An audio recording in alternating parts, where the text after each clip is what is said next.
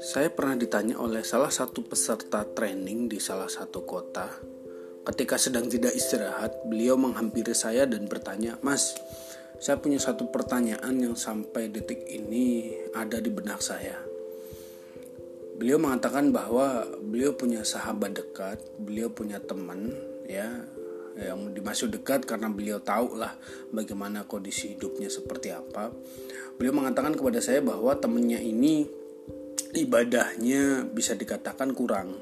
Sholat jarang sedekah juga jarang uh, puasa apalagi. Tapi kok hidupnya sukses ya mas? Beliau bertanya seperti itu kepada saya. Lantas saya merespon dengan satu pertanyaan kenapa bapak bisa menyimpulkan bahwa hidupnya itu sukses maka beliau mengatakan bahwa temennya ini dari sisi ekonomi atau finansial itu lebih baik daripada dia dia mengatakan bahwa uangnya lebih banyak, bisnisnya lebih bagus gitu kan, kondisi hidup kondisi hidup secara kasat mata juga lebih enak. Maka bagi bapak ini orang ini dikatakan sukses, padahal bias ibadahnya biasa aja. Lantas beliau menimpali beda dengan saya mas saya insya Allah ibadah ya walaupun mungkin gak rajin-rajin banget tapi lebih baik lah kayaknya daripada dia. Ya sholat saya juga sedekah saya juga puasa gitu loh. Tapi kok kenapa kondisi finansial saya kok begini-begini aja ya? Nah kawan-kawan yang dirahmati Allah inilah yang menjadi problematika banyak orang saat ini. Ada yang salah nggak dengan hal ini? Nggak ada yang salah. Yang jadi soal adalah salah persepsinya diri kita terhadap makna dari rizki, makna dari sukses dalam kehidupan. Banyak orang saat ini itu mengartikan arti sebuah sukses itu ketika finansialnya mapan, ketika bisnisnya jalan, ketika uangnya banyak, dan mengartikan bahwa ketika rizkinya baik itu ya ketika hal-hal yang secara keduniaan kita bisa lihat seperti punya mobil, punya rumah, punya uang, itu rizkinya baik. Padahal kalau ngomongin soal rizki, rizki yang beginian ini bisa dibilang rizki yang tarafnya atau levelnya recehan. Kenapa saya bilang gitu? Karena ya memang Allah memberikan kepada siapa pun yang Allah kehendaki.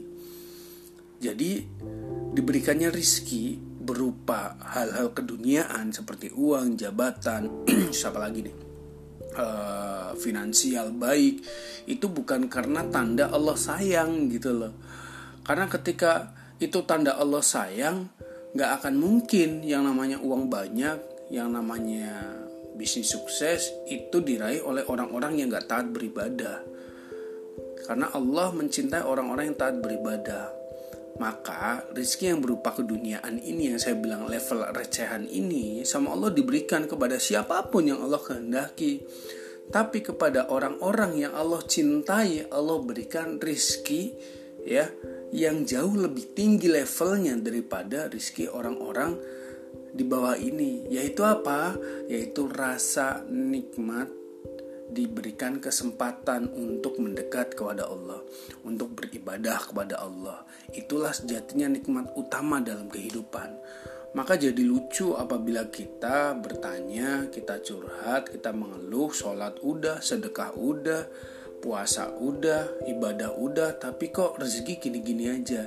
Loh, padahal semua hal kebaikan yang sudah dan bisa kita lakukan dalam kehidupan, terutama yang semakin mendekatkan diri kita kepada Allah, itulah bentuk rezeki terbaik yang Allah berikan dalam hidup kita.